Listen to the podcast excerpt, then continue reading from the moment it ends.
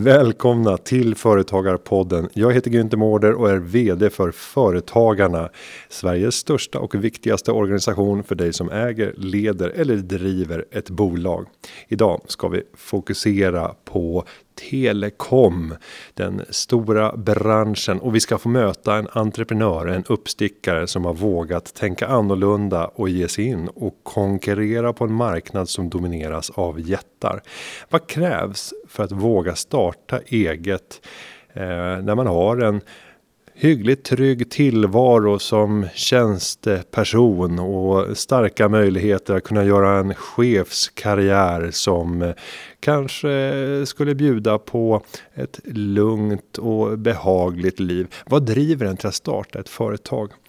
Och eh, vad bör man tänka på när man ger sig in på en starkt kontrollerad marknad? Det ska vi prata om idag. Telekombolaget Telnes grundades 2016 och har på kort tid vuxit fort. Affärsidén handlar om att vara en digital mobiloperatör för företagare och entreprenörer och bolaget har bland annat byggt upp en teknisk plattform som ska underlätta hanteringen av telefonin. Vi säger varmt välkommen till medgrundare och vd Martina Klingvall. Tack så mycket. Kul att ha dig här. Ja, men tack själv. Vi stötte väl på varandra. Nu får vi se om det var första gången. Var det i Almedalen eller träffades vi innan dess? 2016? Ja, det är 2016 tror jag. Mm. Ehm, bra fråga. Jag vet att vi träffades i Almedalen. Ja. Men vi har träffats i ganska många tillfällen på kort tid här i de svängarna. Ja, väldigt många. För mm. vi, vi satt till och med och eh, tittade på möjligheten att kunna erbjuda Tellnäs för företagarnas medlemmar också. Ja, exakt. Så vi har tittat på affärer också. Mm. Just då blev det ingenting. Vi får se om vi kan plocka upp det en eh, annan gång. Men nu vill jag ju höra. Tellnäs. Vi fick en kort beskrivning av mig inledningsvis. Hur skulle mm. du beskriva Tellnäs idag? Um, ja, men den enklaste beskrivningen är ju att vi är en um, mobiloperatör för företagare och entreprenörer. Uh, så att vi har nyttjat möjligheten att börja från ett blankt papper och byggt tjänster anpassade för små och medelstora företag.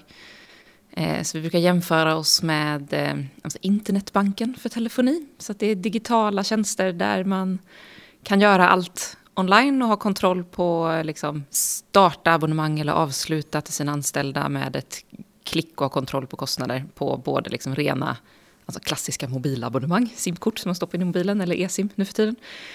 Eh, eller växlar då, att det vill säga att man kan få ett fast nummer eh, till företaget så att kunderna kan ringa in på eller support eller sälj och liknande. Och samma sak där, att man kan komma igång själv och göra ändringar och, och liknande utan att behöva sitta i köer eller vara beroende av en säljare eller liknande.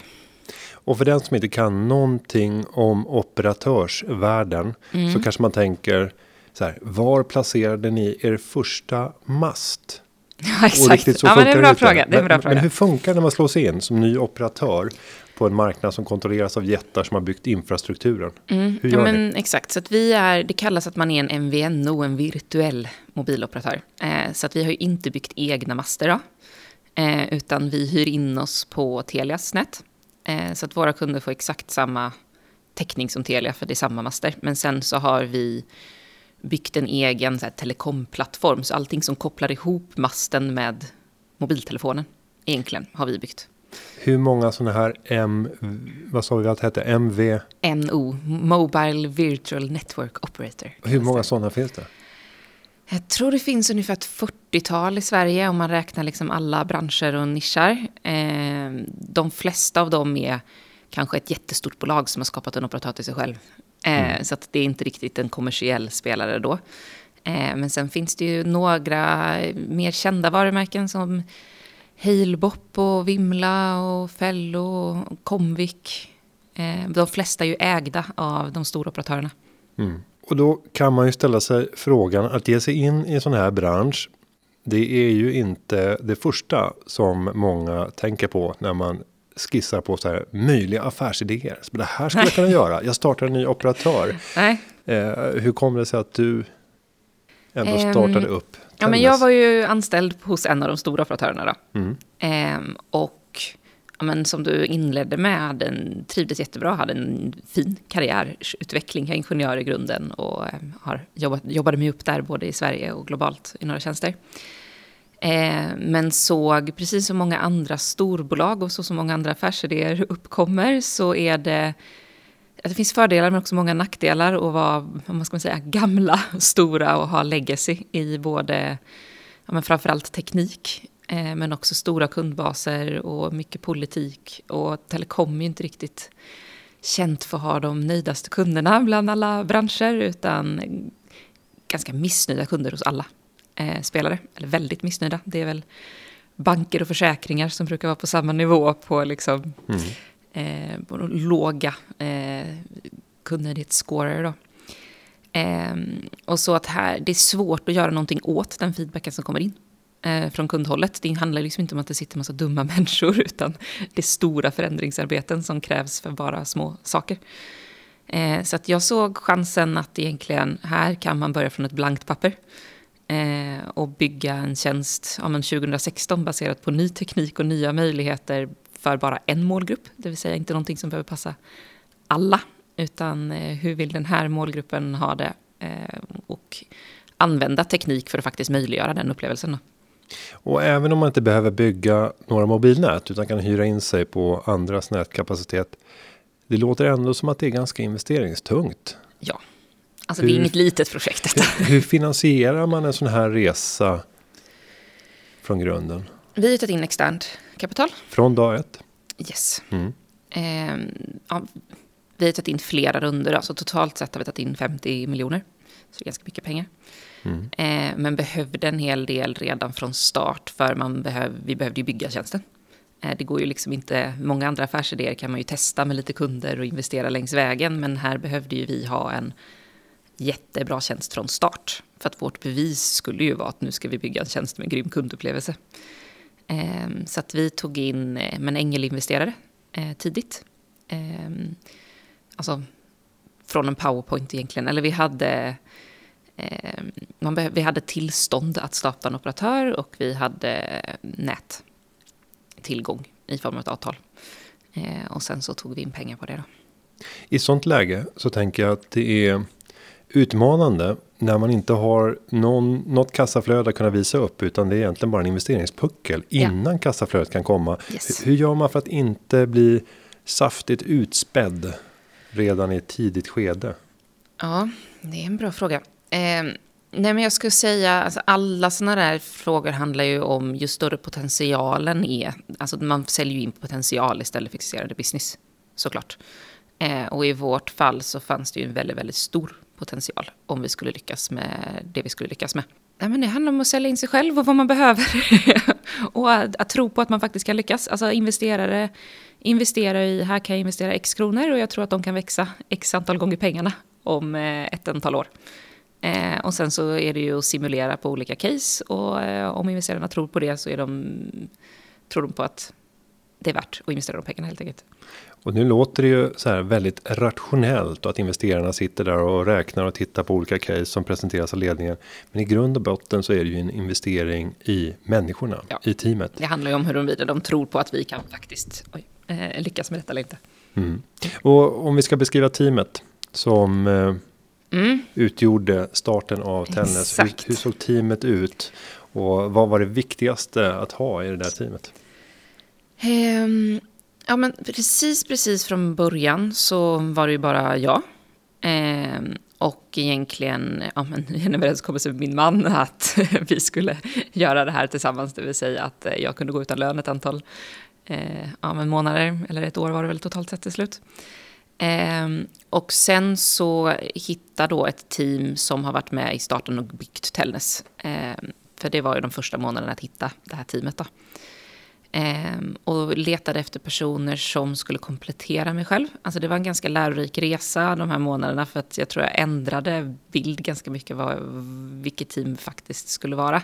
I början tänkte jag ganska mycket, okej okay, det behöver vara generalister för att vi kommer behöva göra ganska mycket olika saker så det behöver ju vara breda eh, personer. Eh, men efter många rekommendationer och tips och liknande så landade i, men man att vara en startup jämfört med ett storbolag så måste man ju faktiskt göra saker själv. Och är man för mycket generalist och inte kan göra någonting på detaljnivå hela vägen själv så behöver man ju kommer behöva hjälp med, utifrån hela tiden. Eh, så teamade upp med jättehärliga personer eh, i form av ja, men både vår CTO Jonas eh, Sedenving eh, som kommer liksom från verkligen teknisk bakgrund och har varit hjärnan bakom teknik plattformen, Eh, det vill säga kommit in med kompetens som med flit inte är telekom utan har erfarenheter från men andra industrier som så gaming och banking och liknande som är mer framkant med digitala kundresor. Så har använt den typen av ja, men, kodspråk och arkitekturer och liknande in i telekom. Så att vi har byggt plattformen ganska annorlunda eh, uppsättning än vad man kanske är van vid. Och sen Carl Salin som är vår CFO. Eh, som också kommer från andra branscher men också ja, men matematisk kunnig. Som kom, så att vi ser till att vi använder data på rätt sätt och ser till att, eh, ja, men att vi, vi ser till att bygga den här affären lönsamt också såklart. Och hur gör man för att kunna både attrahera personer av eh, en sån här kaliber till ett nystartat projekt. Jag tänker framförallt då på möjligheten att bjuda in som delägare och återigen mm. så har vi utspädningseffekt. Kan man betala de löner som de här personerna kan uppbära från andra storföretag som mm. kanske sliter i samma personer. Hur tänker du rent rekryteringsvis? Eh, vi har optionsprogram eh, som vi har erbjudit för alla anställda faktiskt.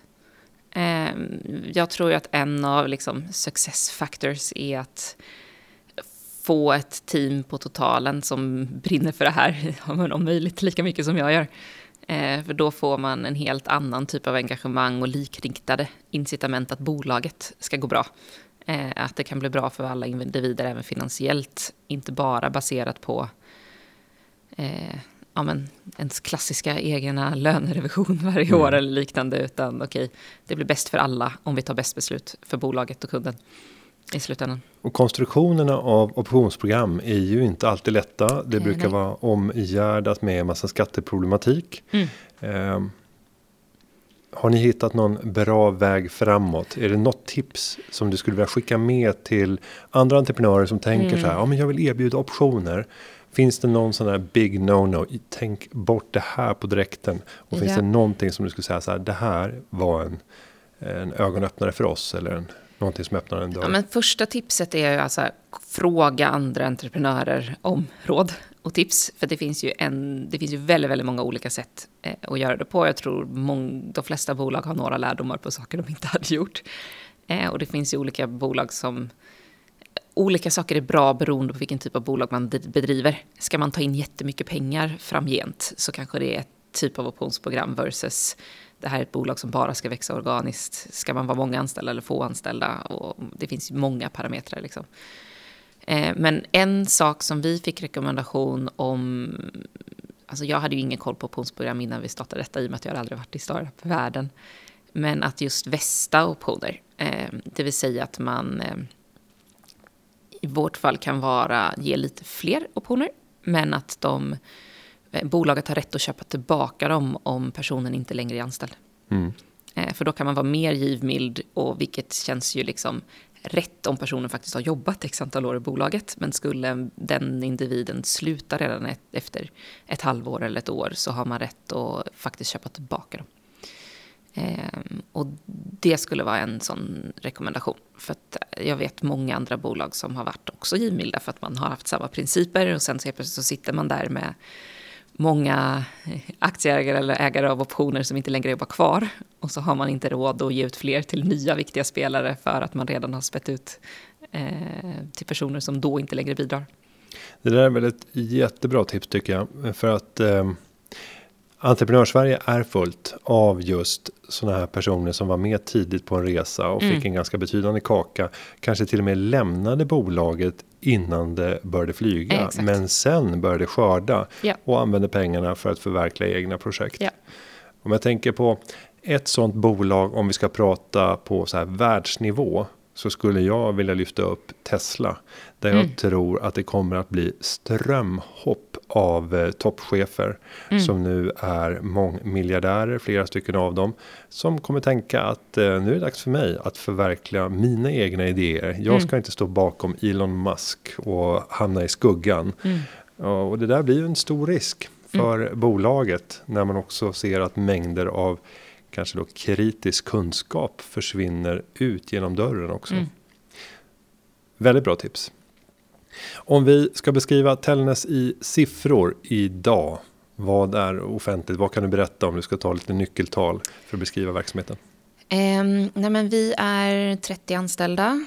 Ehm, har, ja men nu börjar det närma sig, ehm, ja vad är det, det går ju fort här nu då, men 8000 kunder eller någonting. Mm. Ehm, har, ehm, ja, vi kan ju få lite så här, vi dubblerade omsättningen 2020, vilket vi är väldigt stolta över. Med tanke på året som var också. Ehm, andra nyckeltal. Och när vi säger 8000 kunder, då betyder det Mm. att varje kund är ett företag. Ehm, nej, det gör det inte. Nej. Utan då pratar vi liksom användare. Mm. Egentligen. abonnemang. Eller? Ja, det finns ju flera tjänster då. Ja. Det kan ju vara att en kund bara har en växel, men inga abonnemang. Mm. Ehm, då blir det också en. Mm. Och om vi tittar på de talen idag och sen så tänker du tillbaka 2018, ja men snart tre år sedan då. Mm. Hur tänkte du att bolaget skulle te sig idag? Man är ofta ivrig som entreprenör Mm. och har eh, väldigt högt eh, spända, eller en spänd båge med högt satta mål. Mm. Hur såg det ut för, för din del då? Ehm, ja, men, jag skulle säga vår affärsmodell har, och bolagsidé har varit både väldigt likt eh, som vi har tänkt oss från start, men också väldigt annorlunda. Eh, jag tror, eh, om man tittar tillbaka till 2016 så hade vi räknat med, eller jag hade, var lite naiv med hur fort eh, man skulle kunna bygga varumärke. Så vi ligger första året var lite så här, ja, men man tänkte att alla automatiskt bara skulle fatta vad vi var och tro på vad vi säger. eh, men möttes av en ganska stor skepticism. Alltså okej, ni säger att ni har bra upplevelse och diverse, men ni har ju inga kunder som bevisar det än. Så att den tröskeln med att få tillräckligt mycket kunder för att visa på att eh, våra kunder är happy och vi är som vi lovar. Eh, den var lite större än vad jag hade räknat med. Eh, nu sista åren har vi följt planen väldigt, väldigt väl. Och sen så har vi då även gjort några, alltså växeln hade vi inte räknat med att bygga själva från start. Utan eh, hade ja, men, till att börja med inte tänkt ha någon överhuvudtaget. Men baserat på efterfrågan från våra kunder, okej men vi vill ju faktiskt ha 08-nummer eller 035-nummer eh, också. Eh, gjorde att vi i början eh, byggde delvis själva men använde oss av en grundteknik från en annan underleverantör. Eh, men kunde inte riktigt leverera på den upplevelsen som vi eh, ville till våra kunder då. Så att ha nu sista året byggt om och gjort den helt själva också, vilket gör att vi faktiskt är först i världen med att ha en 100% molnbaserad eh, växel, vad jag vet. Det vill säga att det är inga fysiska servrar eller någonting någonstans, utan allting är uppe i, hos eh, Amazon. Vilket gör att man i praktiken, ja, nu får du lite inside info här nu då, Mm. men det är väl lika bra, eh, faktiskt kan skaffa, det spelar ingen roll vilket landsnummer du skaffar heller. För att det behöver ju faktiskt inte kopplas i länderna, utan du kan skaffa ett nummer från UK eller USA eller det ena eller tredje och koppla det till din svenska mobil ändå. Spännande. Mm.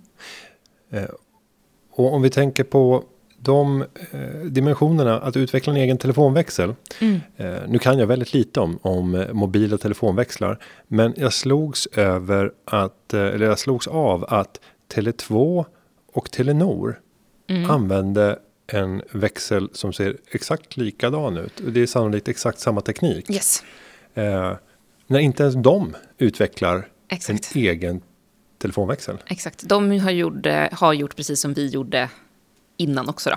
Att det vill säga att vi använder samma teknik som typ alla har. Och sen så Mm. bygger man på antingen att man bara tar deras mall med sina egna färger och former, men det är samma grej. Eh, vi hade byggt vår egen frontend on topp av samma lösning också. Då.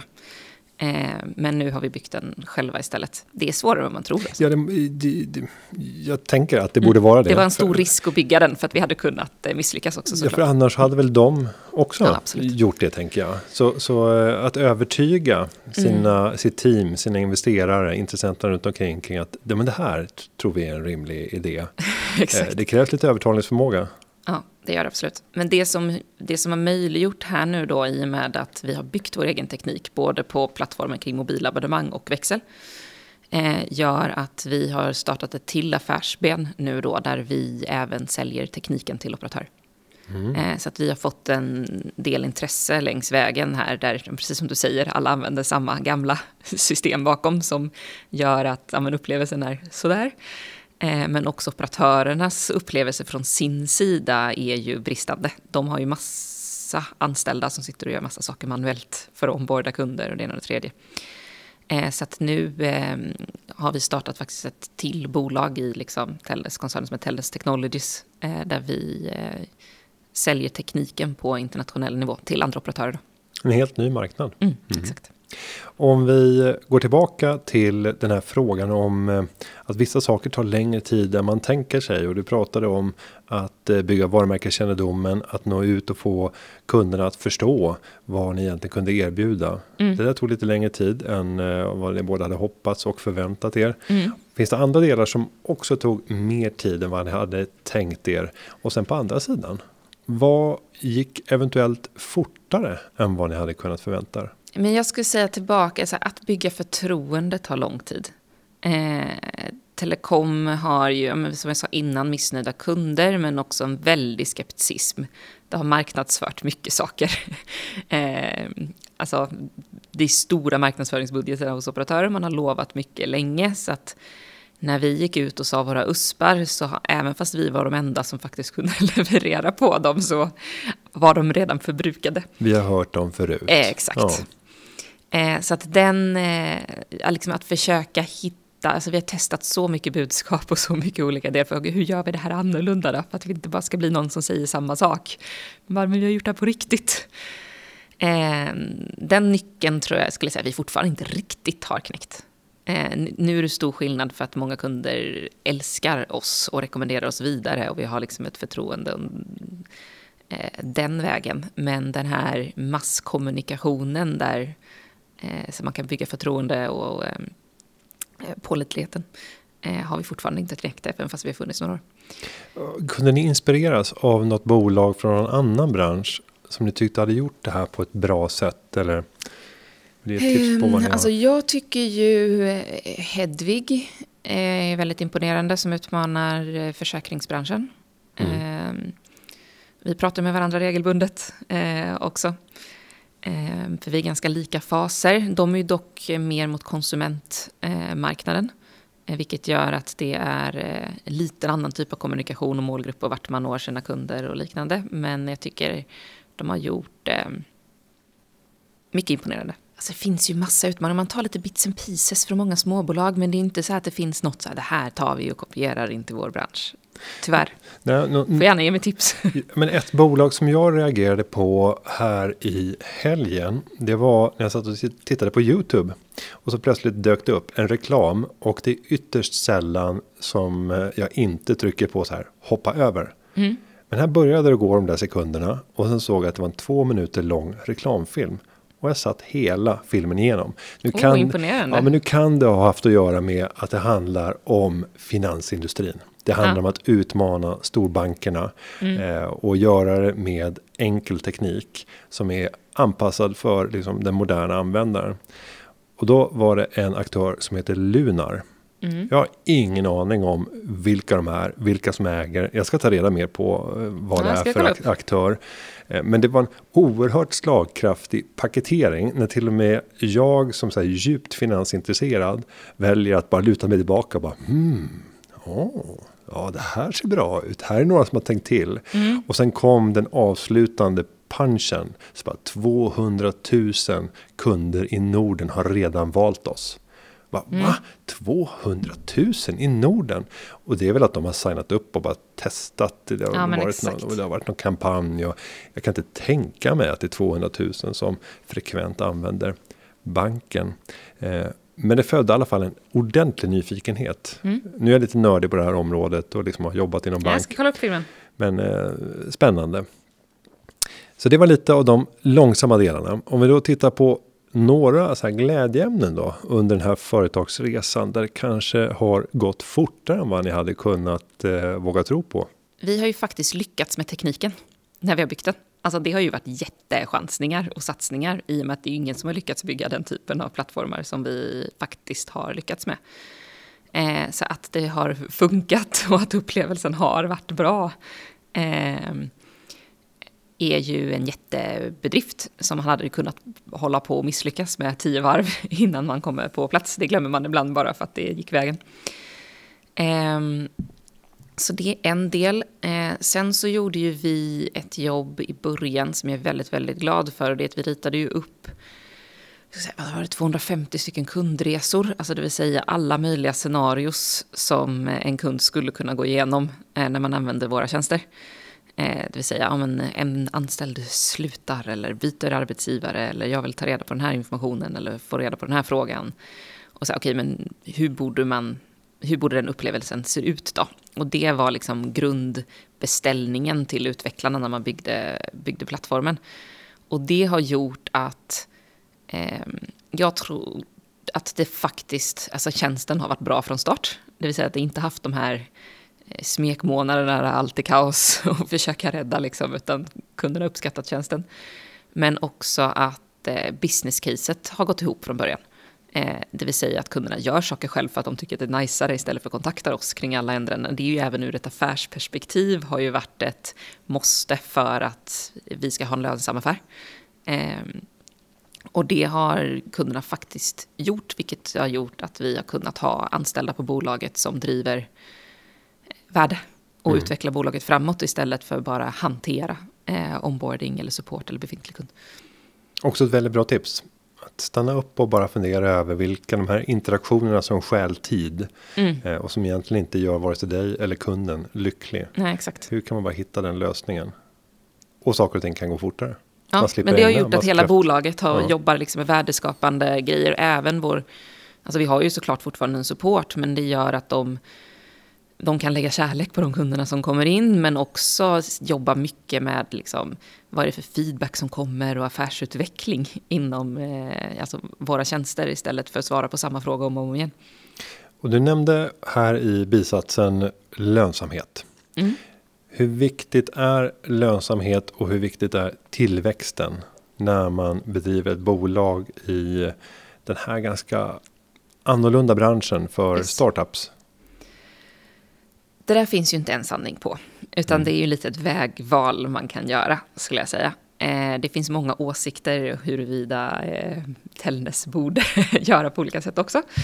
Eh, men och sen så finns det såklart mellanting också. Alltså, som startups så är det ju nu väldigt, väldigt hypat att man bara ska tänka på tillväxt. Man ska ta in jättestora volymer riskkapital och man ska tänka tillväxt och inte riktigt lönsamhet på kort sikt. Det är ju liksom, om jag vågar uttrycka mig så här, det är det som uppfattas som coolt mm. eh, just nu.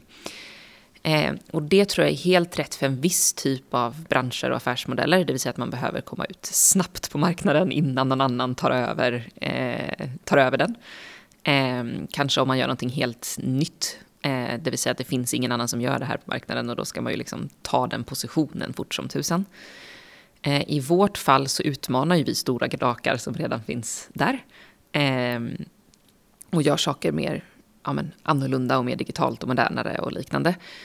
Eh, vilket gör att jag eh, och vi på Tellnäs har ju valt att inte ta in, alltså visst vi har tagit in mycket pengar men vi har lagt dem i huvudsak på tekniken.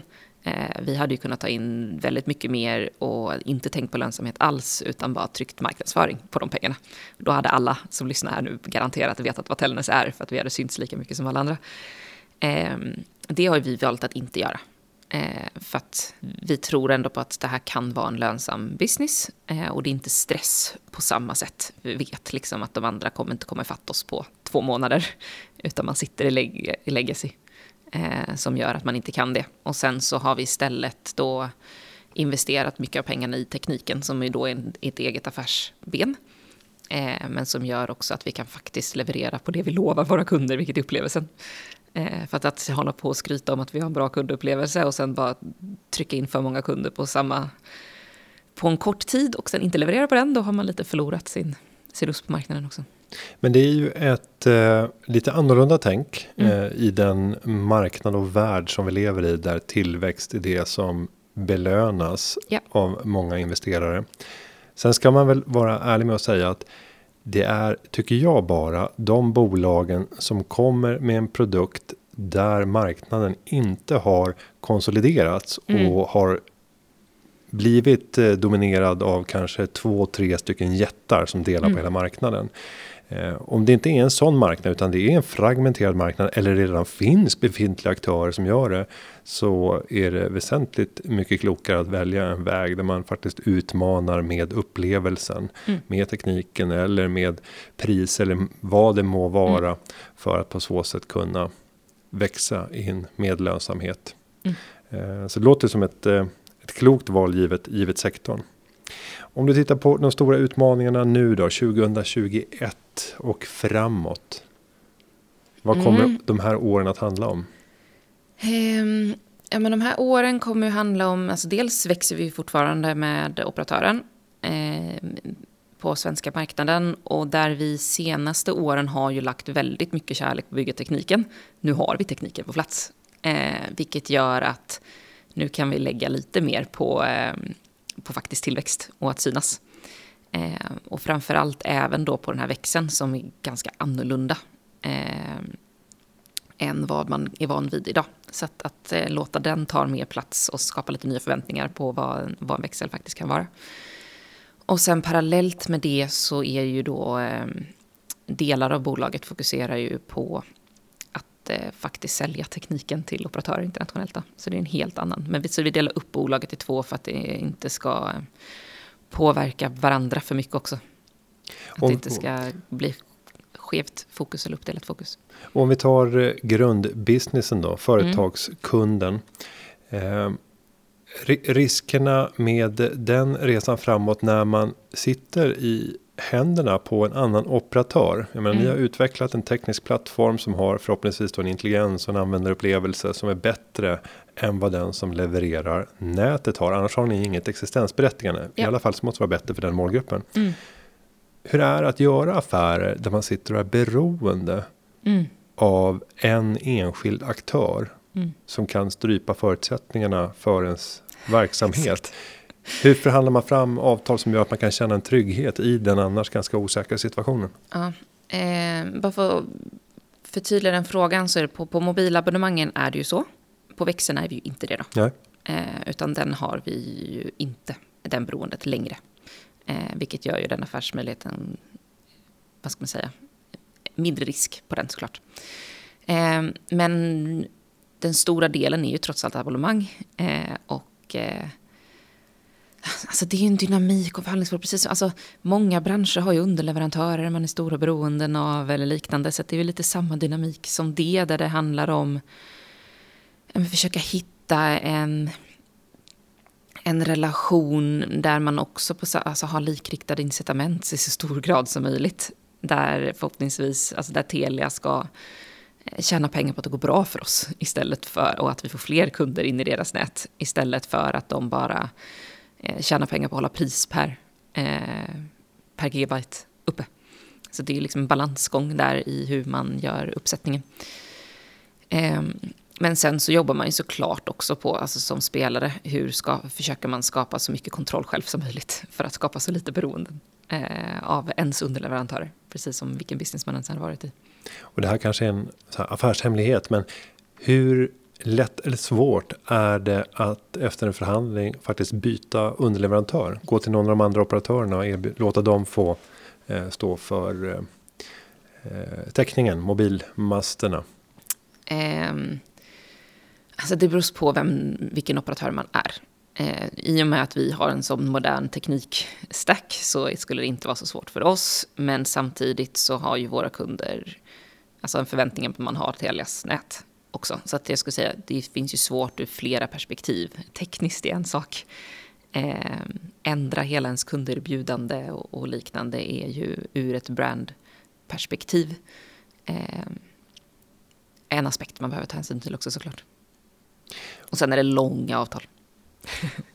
Om vi eh, tänker nu på de som finns eh, vid sidan av det operativa, operativa teamet. Vi har mm. Eh, affärsängel, vi har riskkapitalinvesterare. Mm.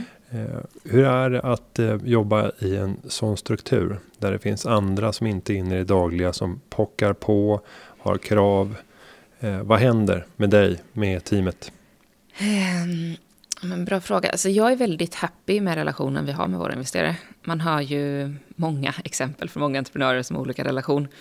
Eh, vi har ju eh, ett an, alltså vi har ju änglar eh, i huvudsak och liksom privata investerare, vilket är ju, tror jag, ganska annorlunda än att ha större, eh, vad kallar man det, instanser. Eh, vilket så att vi, ja, jag vi har en relation eh, där vi har valt ut, kan man väl säga, alltså det är en ömsesidig relation, men eh, där de också har kompetenser som faktiskt kan bidra in i bolaget på olika sätt. Vi har eh, ja, men både några entreprenörer som man kan ja, men, lyfta luren och prata med. Liksom, okay, när ni gick igenom den här fasen, vad gjorde ni då?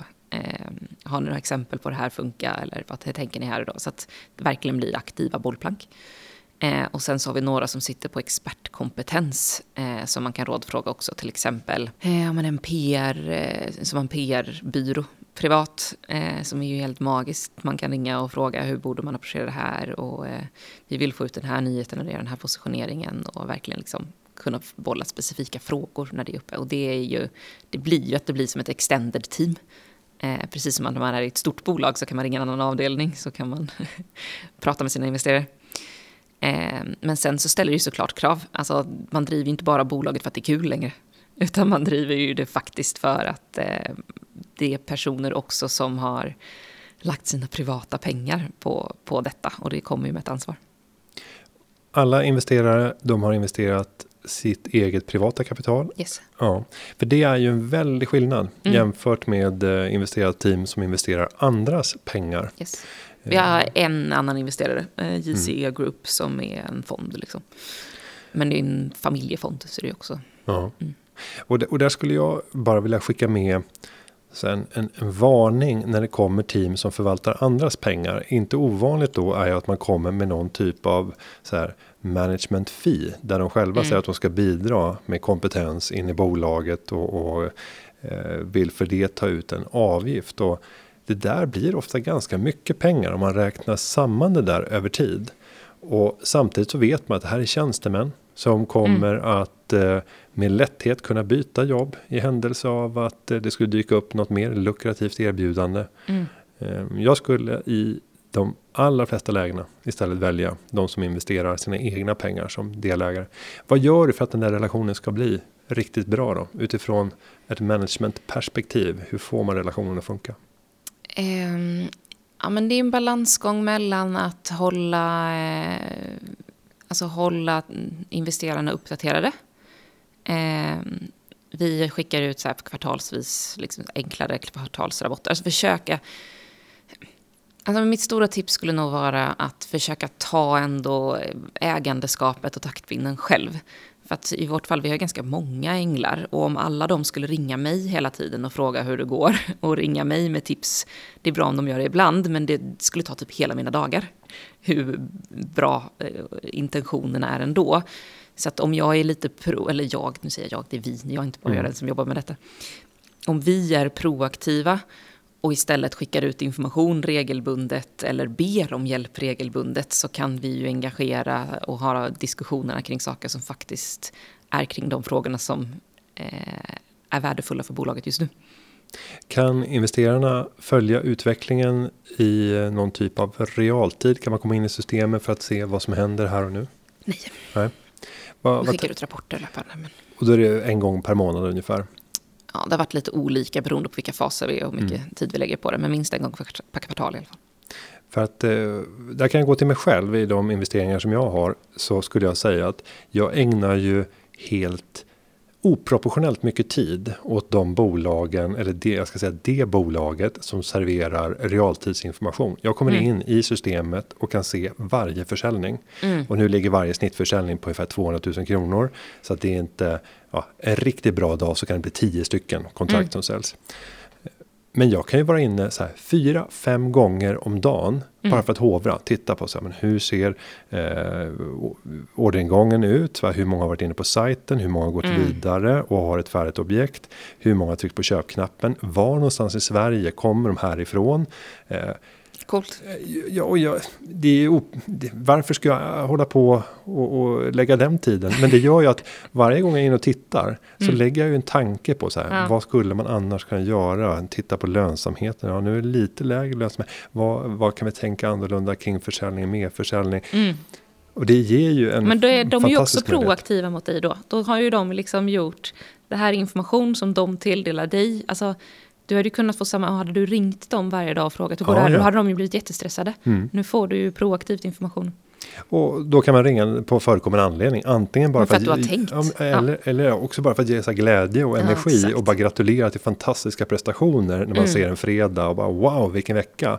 Eller ringa med något frågetecken. Mm. När man ser att wow det har gått två dagar nu och noll i försäljning. Mm. Eh, borde vi känna oro? Ska vi göra någonting? Behöver ni mm. hjälp med någonting? Ja, det finns mängder av olika varianter men eh, alltid spännande att tänka kring de där relationerna. Mm. Om du skulle få ge ett eh, avslutande tips till den som satt eller idag sitter i en situation som du gjorde då för ungefär ett halvt decennium sedan. eh, Gud, det börjar bli lite tid alltså. En trygg anställning, en chefskarriär mm. som har börjat ta fart, en fin utbildning i botten. Allting mm. är som riggat för en fortsatt operativ karriär som tjänsteperson. Varför ska man kasta sig in och starta eget? För att det är jädrigt kul alltså. Nej, men jag skulle säga ehm, man har chansen att verkligen bygga upp någonting och påverka någonting och bli riktigt, riktigt engagerad i något. Det är lite som att eh, skaffa hund eller bebis eller vad som helst. Det är ju liksom någonting man bygger upp. Eh, tycker man att det är vill man ha trygghet och veta vad man gör varje dag, eh, då ska man inte starta eget. Ehm, men vill man eh, bli på riktigt engagerad och utveckla sig själv och utveckla ett bolag i liksom helt nya nivåer så är det ju, ehm, ibland, det är ju riktigt kul. Och det säger Martina Klingvall som eh, utöver att ha grundat Tellnäs även har satt ett barn till jorden som har varit med här i studion och skött sig fantastiskt. Ja, han sover. Eh, så den där jämförelsen med att, eh, att skaffa barn, ja den är ju färsk även för dig.